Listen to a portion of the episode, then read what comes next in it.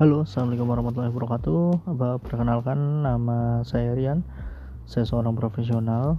Eh, sesuai dengan trailer saya yang saya buat, saya akan bahas tentang skill apa saja yang harus dimiliki seorang profesional untuk memulai karir sebagai profesional di sebuah perusahaan. Oke, eh, kita akan bahas satu persatu. Skill utama yang harus dimiliki seorang profesional untuk berkarir adalah negosiasi skill di mana negosiasi skill ini sangat penting sekali dimiliki seorang profesional karena apa?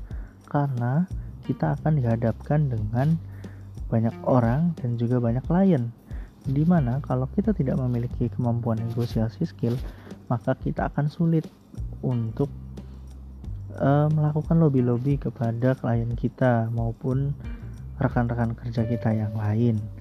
Oke, ini skill yang pertama. Untuk skill yang berikutnya yang harus dimiliki seorang profesional akan kita bahas di episode-episode berikutnya. Thank you.